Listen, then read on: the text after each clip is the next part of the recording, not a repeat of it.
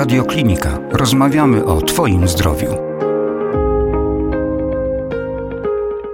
Przed mikrofonem Radiokliniki Jakub Śliwiński kłaniam się Państwu bardzo nisko i z największą przyjemnością zapraszam na nasze dzisiejsze spotkanie. E, podejrzewam, że dla wielu z nas, także i dla znacznej części słuchaczy Radiokliniki, to właściwe otwarcie dnia rozpoczyna się z chwilą przygotowywania pewnego napoju.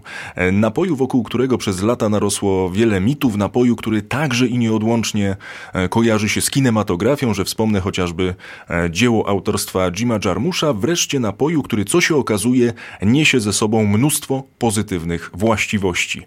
Kawa, szanowni państwo, będzie tematem naszych dzisiejszych rozważań na antenie Radiokliniki, gdzie wspólnie z portalem Kawa i Zdrowie e, postaramy się przybliżyć ten temat w stopniu jak największym, a sztuki tej e, dokonamy oczywiście we współpracy z naszym znakomitym gościem. Jest razem z nami pan Mirosław Jarosz, profesor, doktor habilitowany, dyrektor Instytutu Edukacji Żywieniowej i Stylu Życia e, profesora Jarosza, wieloletni dyrektor Instytutu Żywieniowej Żywności i Żywienia oraz kierownik Kliniki Chorób Metabolicznych i Gastroenterologii Instytutu Żywności i Żywienia. Uf, ukłony panie profesorze. E, dziękuję bardzo. E, dziękuję za takie miłe wprowadzenie i przedstawienie e, mojej osoby.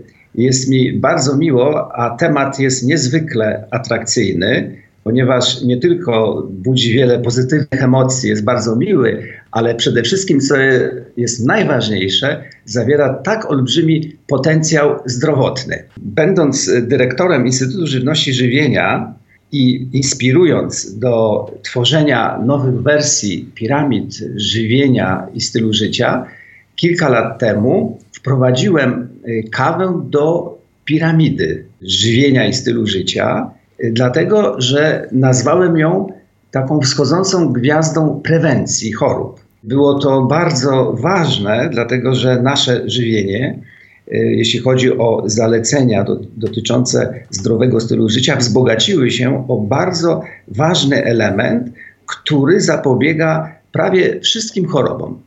Panie profesorze, my oczywiście ten temat będziemy rozkładali sobie dzisiaj na czynniki pierwsze, będziemy rozmawiali o rodzajach kaw, będziemy rozmawiali także o sposobie na przygotowanie kawy, oczywiście tej właściwej, kiedy te wszelkie, wszelkie właściwości rzeczone, żeby nam nie umknęły, ale na razie muszę zacząć od tego. Panie profesorze, pan już jest po tym porannym rytuale, po tej pierwszej kawie, czy dopiero i może wszystko przed nami? Jestem już po pierwszej kawie y, bo bez tej kawy to trudno sobie wyobrazić rozpoczęcie dnia w sposób taki efektywny. Wydaje mi się, że y, jeżeli już jesteśmy z kawą zaprzyjaźnieni, to tak jak w przyjaźniach. Ta przyjaźń dodaje nam pewnego y, odprężenia, y, optymizmu, ale również zwiększa naszą sprawność, taką intelektualną. Bo wydaje mi się, że to jest bardzo ważny element kawy, jak gdyby rozpoczęcie dnia z pełną gotowością do załatwiania wielu różnych spraw, bo zwłaszcza rano stoimy przed wyzwaniami, y, które y, rodzi nasza praca. Dlatego ta kawa dla mnie to jest y, stałym elementem. Powtarzam ją później po dwóch godzinach, kolejną filiżankę kawy. I też robię to w bardzo prosty sposób, bo albo jest to kawa z ekspresu, albo po prostu kawa instant, która po prostu jest w bardzo szybki sposób przygotowana poprzez zalanie wodą. To jest taki bardzo prosty sposób i szybki do tego, żeby y, właśnie mieć tą kawę już od zaraz pod ręką. Do tej częstotliwości spożywania kawy także sobie e, wrócimy, ale panie profesorze, na start naszego spotkania chciałbym, abyśmy wyszli od tego, co w przypadku doboru kawy e, wydaje się być kluczowe, mianowicie od selekcji właściwego napoju. Panie profesorze, czym należy się kierować, kiedy decydujemy się na wybór kawy? To jest smak, to jest być może zapach, to jest jakaś e, specjalna odmiana, a może istnieje jeszcze inny, e, zupełnie odrębny zestaw cech, e, który przy tej selekcji jest kluczowy? Ja odpowiem na Pana pytanie w sposób taki może nie wprost, ponieważ mamy bardzo dużo różnych gatunków kawy na rynku. Zresztą to jest proces uprawy kawy, proces kakaowca, uprawy kakaowca, z którego kawa jest produkowana, sam y, proces produkcji, y, później sam proces przetwarzania wytwarzania różnych rodzajów kawy jest bardzo skomplikowany i złożony. Ja myślę, że my wszyscy w swoim życiu najczęściej próbujemy różne gatunki kaw, ponieważ też jesteśmy y, i częstowani, i powiedzmy w różnych sytuacjach y, w, w trakcie spotkań y, mamy taką możliwość i w swoim życiu na pewno wszyscy stykamy się z, z taką szeroką gamą różnych postaci i napojów kawy. Przede wszystkim chcę powiedzieć jedną rzecz, że to nie jest tak, że wszystkie najlepsze cechy są tylko w jednym rodzaju kawy. Mhm. Bo jeżeli na przykład kawa ma troszeczkę y, lepszy smak, y, chociaż to też jest bardzo indywidualne, to wtedy może mieć mniejszą zawartość bardzo cennych polifenoli. Bo to są właśnie te niuanse w kontekście przygotowywania y, tej kawy. Czyli ja myślę, że tutaj nie, może, nie, nie robiłbym rankingu kaw. Mhm. Generalnie ten ranking y, uważam jest z, zbędny. Mnie się wydaje, że doświadczenie y, związane ze spożywaniem kawy powinno być tym kompasem, który powoduje, że określone kawy pijemy. I ja takim kompasem się zawsze kierowałem w sposób naturalny, intuicyjny. Ponieważ my, y, chcę powiedzieć, że około 2 miliardów dziennie na świecie jest wypijanych kaw a tych gatunków no to są dziesiątki. Czyli myślę, że y, w sposób naturalny możemy dobrać te rodzaje kaw, które nam najbardziej smakują i które są też czasami jak szybkie do, y, do sporządzenia. I tutaj absolutnie chciałbym no, obalić może taki mit i jak gdyby pomóc mhm. w odpowiedzi na to czasami no, nawet do często zadawane pytanie, jakiego, jakiej kawy poszukiwać.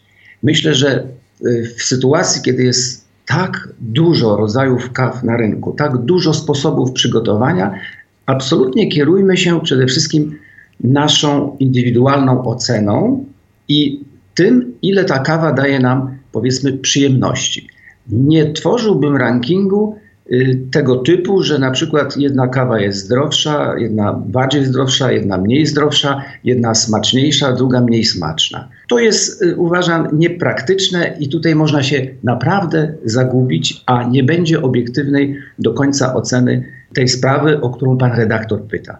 Bardzo mi się podoba takie rozumowanie, kierujmy się e, przyjemnością. Panie profesorze, za moment przejdziemy do tych najlepszych sposobów na przyrządzanie kawy, mm, ale wcześniej chciałbym się zatrzymać przy samych wartościach odżywczych, jakie są zawarte w kawie. Ile tych niemalże magicznych właściwości kryje się w ziarenkach? No bo mówiąc kolokwialnie, ukuło się, utarło się, że mamy kofeinę, która nas oczywiście pobudza, która jest takim zastrzykiem energetycznym. No i pytanie, czy tylko? No i pytanie pojawia się także o te inne wartości odżywcze kawy? Na kawę trzeba spojrzeć z jednego takiego bardzo ważnego punktu widzenia. Najlepiej. Mhm. Potencjału antyoksydacyjnego. Ponieważ y, my, mówiąc o potencjale antyoksydacyjnym, możemy porównać również kawę z innymi produktami ważnymi w naszej diecie, które zawierają bezcenne związki, które właśnie mają ten potencjał antyoksydacyjny, który w największym stopniu decyduje o naszym zdrowiu, zapobieganiu w zasadzie większości chorób przewlekłych, takich jak nowotwory, cukrzyca, otyłość w pewnym sensie również. Także ten potencjał antyoksydacyjny to jest ilość różnych y, związków bioaktywnych, takich jak na przykład polifenole, czy różnego rodzaju alkaloidy, które są zawarte w kawie, jak i wielu innych cennych produktach, takich jak na przykład warzywa. Mhm. Kawa zawiera ponad tysiąc polifenoli. Te polifenole są właśnie tym źródłem, potencjalnym źródłem zdrowia zapobiegającym chorobom. Proszę sobie wyobrazić, tysiąc polifenoli to jest bardzo dużo związków. My tu potrafimy już wyszczególnić niektóre związki, które nauka uważa za najlepsze, na przykład mhm. Kwas hologrenowy. Ale to jest duże uproszczenie. Bardzo ważna jest proporcja pomiędzy poszczególnymi tymi polifenolami. I te proporcje też mają wpływ na tą wydajność w kontekście przeciwdziałania chorobom. Czyli nie ma takiego produktu na naszym, dostępnego na naszym rynku, który zawierałby tak wielką ilość tych właśnie antyoksydantów i kawa przewyższa w tym zakresie wszystkie warzywa i owoce. Tak byśmy nawet powiedzieli. I tym, tą tajemnicą i siłą kawy jest to, że w małej objętości mamy tak wielką moc. Powiedzmy, jak to porównać? Mhm. Jeżeli chcielibyśmy uzyskać efekt zdrowotny y, y, równy na przykład spożyciu y, pół kilograma warzyw i owoców, to w pewnym przybliżeniu moglibyśmy powiedzieć, że ten potencjał antyoksydacyjny odpowiada na przykład dwóm, trzem kawom. I jeżeli tak na to spojrzymy, to łatwo jest zrozumieć, dlaczego kawa na przykład zmniejsza ryzyko raka jelita grubego, takie są badania, o nawet o 50%. Co więcej, ta kawa, okazuje się, ma nie tylko znaczenie zapobiegawcze. Okazało się w przypadku raka jelita grubego, tu mamy niezbite dowody, że osoby, które już chorują na raka i na przykład są po chemioterapii, to jeżeli oni, te osoby spożywają kawę w stosunku do osób, które tej kawy nie spożywają, to mówię o pacjentach z nowotworem jelita grubego, mhm. to o połowę mniej y, chorych umiera w ciągu pięciu, pięciu lat. To proszę sobie wyobrazić, y, jakie y, no, ważne były te badania i jakie ważne i niezwykle cenne właściwości no, ma ta kawa, skoro nie tylko zapobiega, ale okazuje się, że być może ma wpływ już na to, żeby właśnie też pomóc w leczeniu y, niektórych chorób nowotworowych. Czyli podkreślę potencjał antyoksydacyjny, który właśnie jest tą sumą tysiąca, a nawet więcej, bo w trakcie parzenia kawy tworzą się setki nowych różnych bioaktywnych związków. W związku z tym możemy mówić może nie o tysiącu, ale o tysiącach różnych właśnie tych bezcennych związków dla naszego organizmu. No i myślę, że w tym momencie już te niektóre mity zostały e, obalone. Oczywiście do tego tematu jeszcze sobie z panem profesorem wrócimy. Mm, ale na razie, panie profesorze, przejdźmy już do samych sposobów przyrządzania kawy. Na początek oczywiście prosiłbym pana o niejako wymienienie i omówienie także tych metod, dzięki którym możemy ten napój przygotować. No i pojawia się pytanie, która z nich jest e, najbardziej efektywna, która nie pozbawia, a wręcz uwypukla walory zdrowotne kawy. Czy jesteśmy w stanie dokonać takiego podziału? Tak jak już już na wstępie powiedziałem, y, ten podział oczywiście jest, bo mhm. jest kawa parzona, jest kawa y, sporządzana, y, ta kawa espresso, jest kawa gotowana nawet, bo takie też są rodzaje kaw, i kawa parzona. Także myślę, że najlepszą i najefektywniejszą w kontekście działania polifenoli, tych elementów prozdrowotnych, jest kawa instant, czyli ta kawa, którą przygotowujemy poprzez właśnie zalanie gorącą wodą i kawa z ekspresu. Y, myślę, że te dwie kawy y, zawierają największy potencjał y, zdrowotny i jeżeli powiedzmy nie stosujemy filtrów, to wówczas no, mamy pewien, nie to że problem, mhm. tylko że wynika z porównawczych badań, że filtry mogą zatrzymywać pewne y, związki, które są w kawie, mogące u niektórych osób wykazywać trochę takich działań drażniących śluzówkę żołądka i pobudzających kwas y, solny do wydzielania. Ale to naprawdę są y, efekty mm, bardzo niewielkie. Natomiast filtry również mają to do siebie, że zmniejszają właśnie zawartość w kawie tych cennych, dużo cennych mm, polifenoli. W związku z tym myślę, że tutaj mm, powinniśmy się kierować y, chyba tym, co jest najważniejsze, czyli praktycznością i dobrym smakiem kawy i naszymi preferencjami. Taka, moja jest, taka jest moja opinia. Rozumiem. W takim razie już do zapamiętania, już do wpisania w kajet te pana e, profesora wnioski przechodzą. No i panie profesorze, właśnie ja nie bez kozery zacząłem tą naszą rozmowę od pytania, czy pan już po spożyciu tej e, pierwszej kawy, no bo zawsze przy takich sytuacjach pojawia się pytanie, kiedy i w jakich okolicznościach kawę należy pić. Możliwości mamy e, doprawdy bez liku. Dla jednych dzień się właściwie nie zaczyna, kiedy na rozkładzie nie ma tej porannej kawy. Dla innych jest to niemalże rytuał w połączeniu i niestety, ale z papierosem. No no tutaj możliwości jest, e, tak jak wspomniałem, bez liku. Panie profesorze, kiedy najlepiej sięgać po kawę? Przed odpowiedzią na to pytanie y, chciałbym rozwinąć jeden y, ważny wątek. Mhm. Jeżeli patrzymy z punktu widzenia zdrowotnego na kawę, to najlepiej ją napić się na czczo, ponieważ te bezcenne polifenole nie wchodzą w interakcję ze składnikami żywności. Bo nawet jeżeli dodamy do kawy mleko, czy dodamy cukier, to powodujemy utratę pewnej części tych bezcennych związków. Poprzez to, że one są wiązane przez białko mleka, przez wapń. Y, czyli tak z punktu widzenia y, absolutnie zdrowotnego, powiedzmy, mhm. to dobrze ją wypić i najlepiej, tak powiedziałbym, na pusty żołądek na czczą. Natomiast y, bierzemy, to jest punkt zdrowotny. Tak Natomiast jest. jeśli chodzi o mm, inne sytuacje, w których odgrywają rolę na, nasze przyzwyczajenia, nasze takie kulinarne uwarunkowania spożywania posiłków, ponieważ często jest tak, że herbatę czy kawę spożywamy po posiłkach, prawda? Mhm. Też, ale to różnie bywa, bo czasami spożywamy ją przed posiłkiem, czasami przerwie y, w pracy, y, a czasami no, jest to sytuacja, która y, jest zupełnie przypadkowa, bo jeżeli Y, jesteśmy w różnych sytuacjach życiowych, w trakcie podróży, czy właśnie w trakcie spotkań, no to tutaj trudno jest y, jak gdyby kontrolować y, do, do, dokładnie ten, ten proces. Ale chcę podkreślić, że z punktu widzenia zdrowotnego, to oczywiście dążymy do tego, żeby te bezsenne składniki diety nie wchodziły w różnego rodzaju interakcje ze składnikami żywności, zwłaszcza tutaj mleko, ale też inne zawarte w posiłkach, żeby nie osłabiać jej, jej, jej, działania. Ale to nie oznacza, że jeśli wypijemy kawę po posiłku, to my tracimy no, tutaj jej walory mm, zdrowotne tak całkowicie. Tu chodzi o pewną istotną redukcję tych właściwości zdrowotnych, ale z drugiej strony, jeśli chodzi o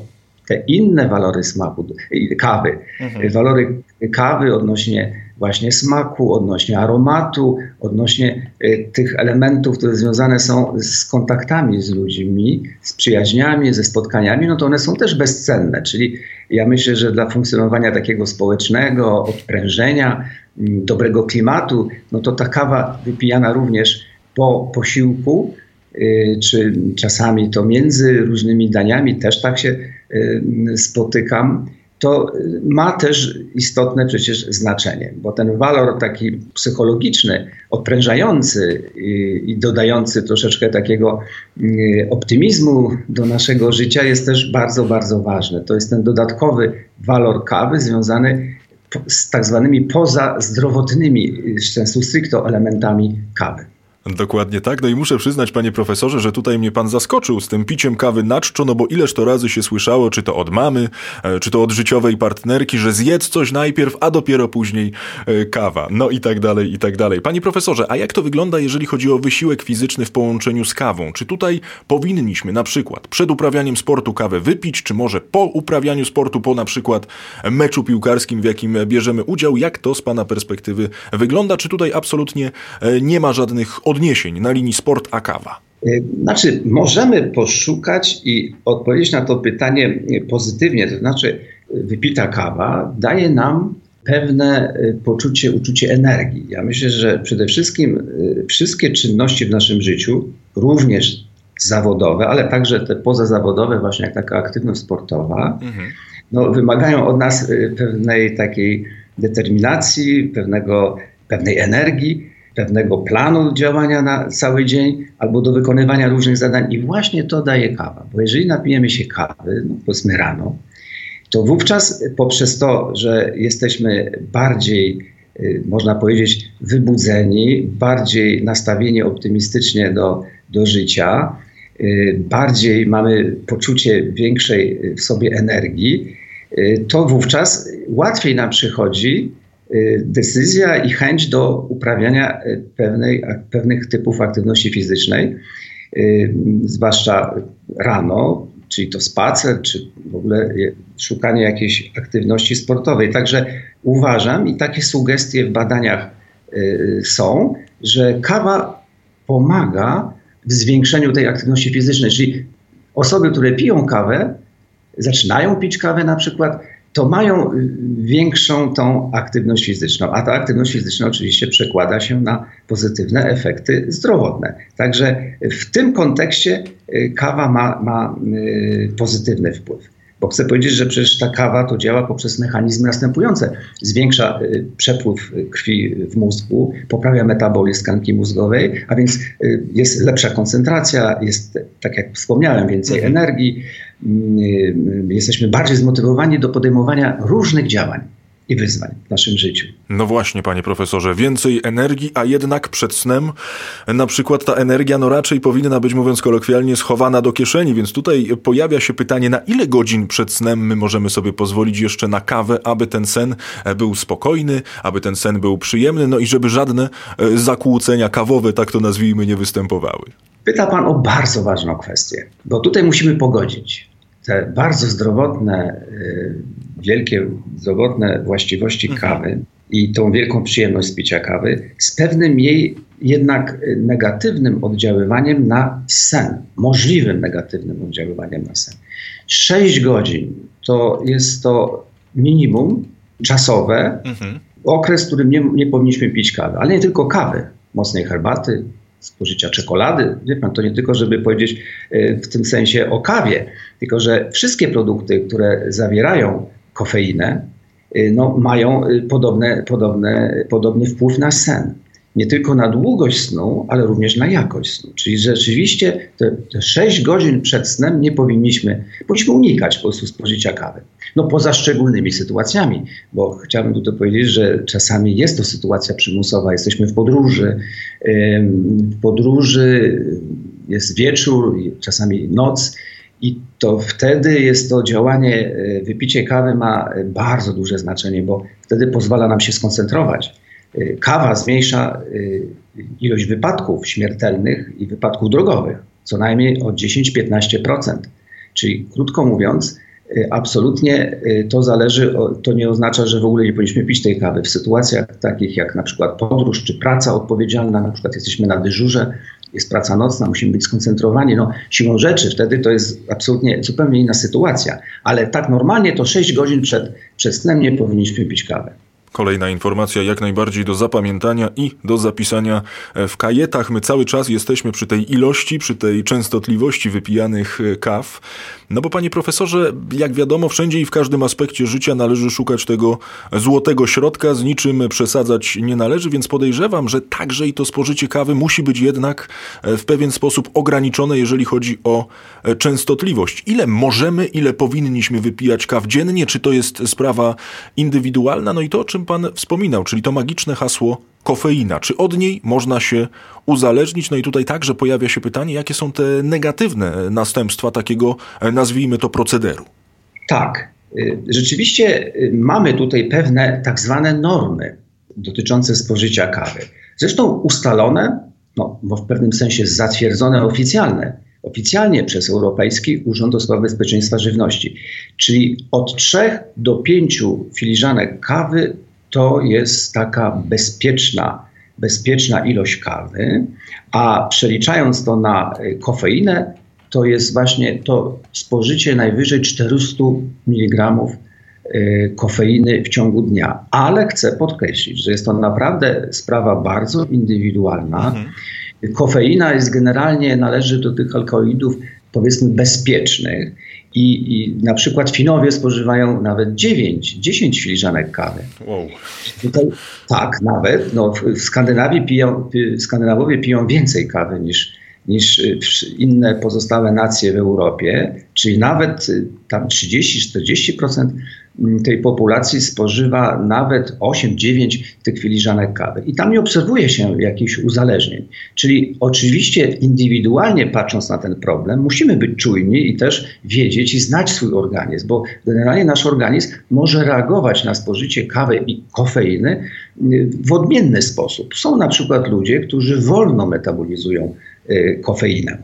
No to jeżeli taka sytuacja istnieje, i to jest wolne metabolizowanie y, kofeiny, to wówczas może szybko narastać jej stężenie we krwi i wówczas może być pobudzony układ sercowo-naczyniowy, może być przyspieszenie czynności serca, y, wzrost ciśnienia, gorsze samopoczucie. Czyli tutaj y, poza tymi tak zwanymi normami, o których mówimy, musimy się kierować obserwacją naszej reakcji na, na kawę.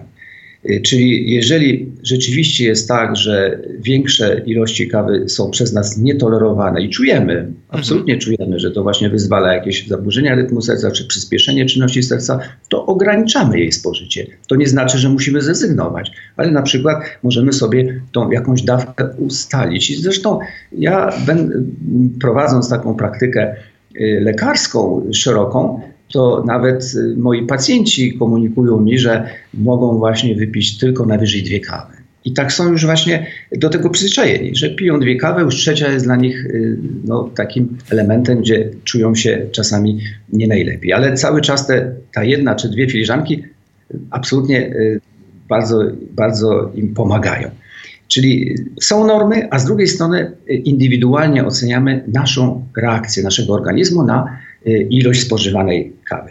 Czyli obserwacja organizmu przede wszystkim jest najważniejsza. Dokładnie tak. Panie profesorze, pan oczywiście już o tym niejako wspominał w ramach naszej dzisiejszej rozmowy, ale gdybyśmy się na moment zatrzymali przy połączeniach, przy tych różnych e, skorelowanych sytuacjach na linii kawa, a inne składniki naszej diety. No właśnie, z jakimi składnikami diety możemy bezpiecznie łączyć kawę, a jakich połączeń najlepiej unikać, no bo mogą one e, pogorszyć stan naszego zdrowia? No, przede wszystkim nie powinniśmy y, tej kawy y, no, używać z mlekiem. Oczywiście to jest ten problem, bo tradycyjnie my sporządzamy mhm. Y, kawę. No, jest kawa cappuccino, macchiato, wiele różnych takich kaw, które nam bardzo smakują. Chcę podkreślić, że to nic złego, że jeżeli mamy ten dodatek mleka, to jest to absolutnie tylko jedno ograniczenie w tym potencjale zdrowotnym, ale ograniczenie, ale nie całkowite wyeliminowanie tego efektu zdrowotnego, a poza tym no, ta przyjemność też z picia kawy jest niezwykle, niezwykle ważna. Czyli generalnie lepiej byłoby y, spożywać tą kawę z jak najmniejszą ilością mleka. No i cukier. Cukier również tutaj no nie tylko, że może wiązać pewne składniki y, kawy, ale y, również wiemy, że cukier dodawany do kawy, jeśli pijemy na przykład tych 5 filiżanek kawy, no to jest 5 na przykład łyżeczek cukru i to jest duży mhm. potencjał już energetyczny, który nam stwarza ryzyko nadwagi i otyłości. Czyli generalnie no, lepiej spróbować może przyzwyczaić się do tego, a to jest możliwe, bo znam też wielu i pacjentów, i moich przyjaciół, którzy zrezygnowali z dosładzania kawy, ale również i herbaty. Y, czyli y, może, jest to możliwe. No, ja myślę, że y, y, oczywiście rodzi się pytanie i pan może mnie zapytać, a co ja robię, y, jeżeli piję kawę i żeby tak był ten pewien jakiś element dodatkowy. No to ja na przykład, ale to jest moje osobiste, indywidualne podejście. Mhm. Uwielbiam taką czekoladę 100% kakao, czyli takie 99%, 100%. I taką małą tą kosteczką na przykład czekolady. I to mi wtedy no, świetnie smakuje, a poza tym ma olbrzymi potencjał zdrowotny, bo na przykład taka czekolada 99, 8, no, 90, 99 to ma absolutnie ten też bardzo duży y, potencjał związany z różnymi bioaktywnymi związkami, które y, zmniejszają ryzyko różnych chorób. Czyli krótko mówiąc, nie powinniśmy łączyć wszystkim, łącz, próbować. No, do, nie słodzić, to ja od razu uważam, że to y, trzeba z tego rezygnować, bo w ogóle cukry proste są szkodliwe. Czyli tutaj nie ma żadnych wątpliwości. Z tym mlekiem, no to ja rozumiem, że są pewne przyzwyczajenia, są pewne rodzaje fajnych kaw, które y, no po prostu lubimy i możemy pić. Y, natomiast y, tutaj musimy zawsze czytać ulotki y, dotyczące zażywanych leków Ponieważ może być tak, że y, może dochodzić do interakcji pe z pewnymi lekami, takimi, które pobudzają pewne układy y, współczulny, przyspółczulny, y, czyli leki, które działają na, na generalnie na nasz układ sercowo-naczyniowy i na nasze płuca. Czyli y, zawsze powinniśmy czytać ulotki i pytać lekarza. Pytać lekarza, czy na przykład y, ten lek, który nam przepisuje, y, wchodzi w interakcję Y, z kofeiną. Y, I to tutaj właśnie chciałbym podkreślić i na ten aspekt sprawy zwrócić uwagę, że czasami my po prostu y, spożywamy to z lekami, no czasami obarczamy winą kawę za nasze pewne reakcje z układu sercowo-naczyniowego, a okazuje się, że bierzemy, że zażywamy pewne leki, które po prostu wchodzą w interakcję z kofeiną i wtedy potęguje się ten efekt działania niektórych leków na układ sercowo-naczyniowy. Panie profesorze, czyli tutaj, jeżeli chodzi o te eksperymenty, mam rozumieć, że to także jest e, taka kwestia indywidualna, jeżeli chcemy w jakiś sposób urozmaicić tę kawę, na przykład no, rezygnujemy z cukru, rezygnujemy również z mleka. Pojawia się pytanie, czy jakieś na przykład przyprawy możemy dodawać do kawy. Ja rozumiem, że tutaj pan przedstawił tę swoją autorską e, propozycję w przypadku tej stuprocentowej niemalże e, czekolady. No pytanie, czy istnieją jeszcze jakieś inne sposoby, gdzie możemy, tak jak powiedziałem, troszeczkę z tą kawą poeksperymentować. Czy to zupełnie kwestia indywidualna? Jest, możemy eksperymentować. Z innymi możemy eksperymentować. Jest bardzo dużo fajnych, ciekawych e, przypraw, jak goździki na przykład, to możemy dodać e, tutaj do, do, do kawy, jak i to, co powiedzmy lubimy. To tutaj to jest zielone światło, powiedziałbym. Indywidualnie możemy e, eksperymentować. Absolutnie, bo zamiast cukru, absolutnie szukajmy, jeżeli tak to już jest, że ten cukier, ten dodatek jest bardzo istotny, to wówczas absolutnie jest zielone światło na eksperymenty z innymi właśnie przyprawami, y, które możemy stosować y, absolutnie śmiało tutaj, jeśli chodzi o kawę. Jak najbardziej. Panie profesorze, na początku naszego e, dzisiejszego spotkania wspomniałem, że wokół kawy narosło e, wiele mitów, narosło wiele przekonań, często nieprawdziwych. Myślę, że my tutaj także i w ramach naszej e, dzisiejszej rozmowy po części rozwialiśmy kilka kwestii, ale jeszcze jest właśnie kilka spraw, które także i słuchacze radiokliniki do nas nadesłali i pozwoli pan, że ja już teraz przejdę do tych palących zagadnień, mianowicie zagadnienie numer jeden, panie profesorze. Powiedzieliśmy o tym, że kawa pobudza, że kawa działa także jako taki zastrzyk energetyczny, no ale czy to prawda, że nie na wszystkich to kawowe pobudzenie, tak to nazwijmy, działa? No i pytanie, z czego to wynika? Znaczy, kawa mamy y, sytuację następującą, że kawa metabolizowana jest w naszym organizmie przez pewne układy enzymatyczne w wątrobie. Cytochrom P450 jest to zespół takich najważniejszych enzymów, które biorą udział w metabolizmie wielu różnych składników żywności i leków. Dlatego stąd te interakcje. Mhm. się, że nie są leki i kofeina na przykład jest metabolizowana przez ten sam układ enzymatyczny, to zrozumiałą rzeczą jest, że jeden lek, czy zwłaszcza lek wtedy traci i on nie ma dostępu do tego do tego aparatu enzymatycznego i nie jest w odpowiedniej y, ilości metabolizowany. Czyli są osoby, które wolno metabolizują kofeinę i szybko metabolizują, metabolizują kofeinę. Jeżeli y, osoby mamy do czynienia z sytuacją, w której dana osoba szybko metabolizuje kofeinę, wówczas uzyskanie tego efektu mm, takiego energetyzującego jest zdecydowanie mniejsze. Ale, ale efekt zdrowotny pozostaje.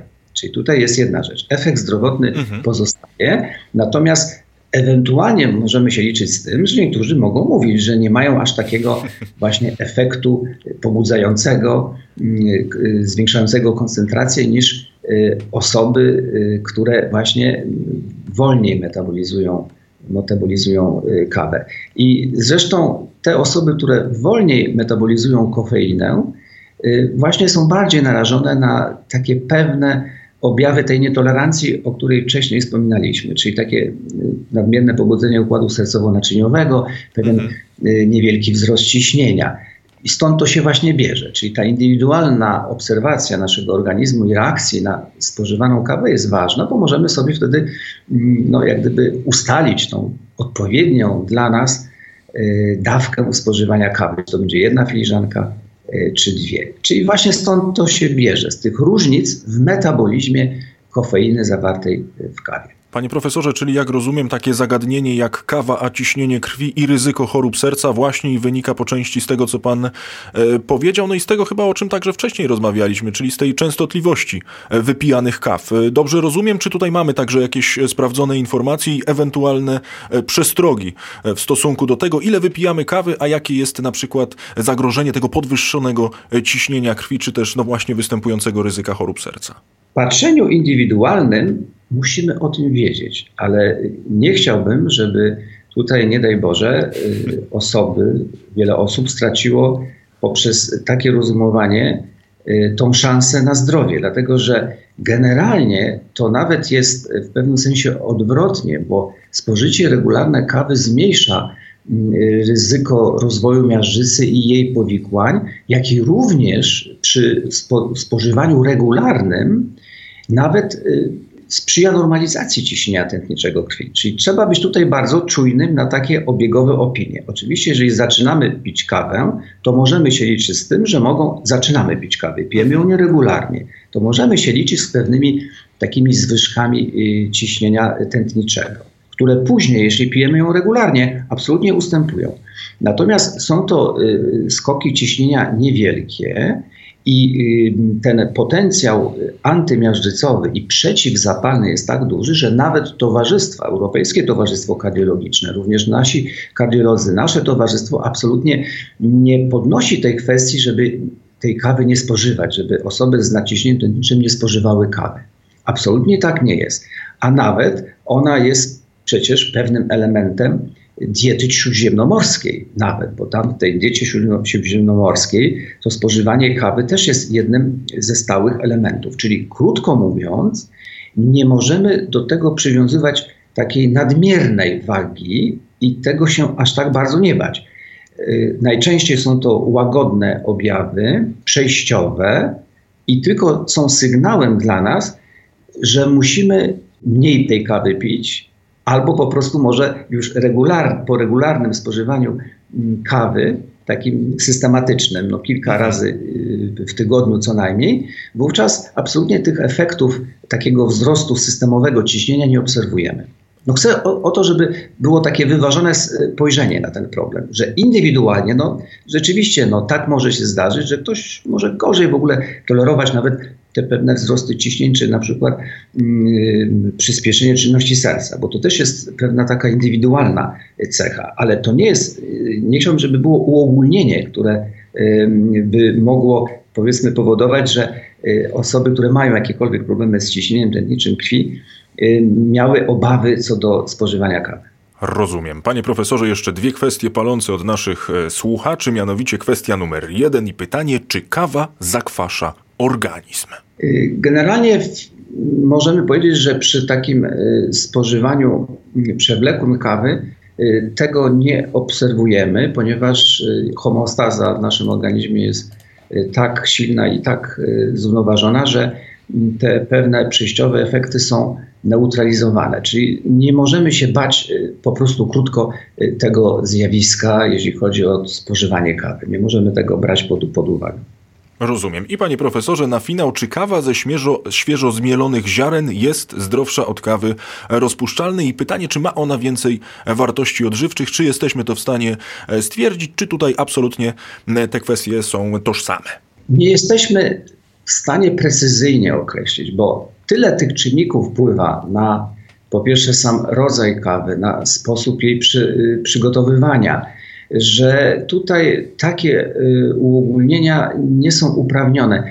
Generalnie chodzi o to, że y, to, co najbardziej sprzyja temu, żeby w tej kawie było jak najwięcej dobrych tych polifenoli, mhm. w jak największej ilości, to są dwa czynniki: ciśnienie i temperatura. Im wyższa temperatura i wyższe ciśnienie, czyli to te czynniki mechaniczne, które pozwalają na wyciągnięcie, jeśli tak mogę powiedzieć, z tej kawy jak największej ilości tych bezcennych y, związków. Dokładnie tak, panie profesorze. Pomalutku już i tytułem końca, pan na pewno jako specjalista w tym temacie e, podejrzewam musi dosyć często zmagać się właśnie z tymi powszechnymi mitami, z tymi powszechnymi przekonaniami na temat kawy. E, gdyby mógł pan powiedzieć o tym e, micie, który najczęściej się pojawia, który najczęściej musi pan tłumaczyć, objaśniać i tak dalej, i tak dalej. Czy przychodzi panu takie zagadnienie do głowy? Myślę, że jeśli chodzi o moją praktykę, to y, pacjenci obawiają się sytuacji y, występowania takich dolegliwości dyspeptycznych, dyskomfort w nadbrzuszu, y, refluks, y, mhm. objawy refluksu. No, rzeczywiście tak jest, że jeżeli dana osoba jest w etapie zaostrzenia choroby refluksowej lub dyspepsji, to wówczas jest wskazane przejściowe wstrzymanie się albo ograniczenie spożycia kawy ale to tylko wtedy, kiedy właśnie są y, te dolegliwości bardzo nasilone. Jest ten okres takiego, powiedzmy, zaostrzenia tych przewlekłych chorób. To są te sytuacje, w których y, y, pacjenci sami zresztą zgłaszają, że jeśli ograniczają spożycie kawy, to czują się nieco lepiej. Ale oczywiście to nie chodzi o to, że kawa powoduje te choroby i zaostrza te choroby tak ewidentnie, tylko po prostu chodzi o to, że bo są, inaczej musimy to leczyć, musimy dostosować, zastosować odpowiednie leki, y, żeby leczyć chorobę refluksową i dyspepsję, ale y, może ograniczenie spożycia kawy może pomóc w przejściu tego trudniejszego okresu właśnie nasilenia tych dolegliwości. Panie profesorze, bardzo serdecznie dziękuję i jednocześnie zapraszam oczywiście słuchaczy Radiokliniki na stronę www.kawaizdrowie.pl. E, tam mnóstwo ciekawych, ważnych informacji na temat kawy i wszelkich właściwości z nią związanych, o czym zresztą w tej przyszłości niedalekiej na antenie Radiokliniki także będziemy dyskutowali. Za dzisiejsze spotkanie gorąco dziękuję. Moim i Państwa gościem był pan Mirosław Jarosz, profesor, doktor habilitowany, dyrektor Instytutu Edukacji Żywieniowej i Stylu Życia profesora Jarosza, wieloletni dyrektor Instytutu Żywności i Żywienia oraz kierownik Kliniki Chorób Metabolicznych i Gastroenterologii Instytutu Żywności i Żywienia. Panie profesorze, ogromne, serdeczne dzięki, ukłony. To ja bardzo dziękuję panu redaktorowi i słuchaczom. Dziękuję bardzo. Do widzenia. Więcej audycji na stronie radioklinika.pl i w naszej aplikacji mobilnej.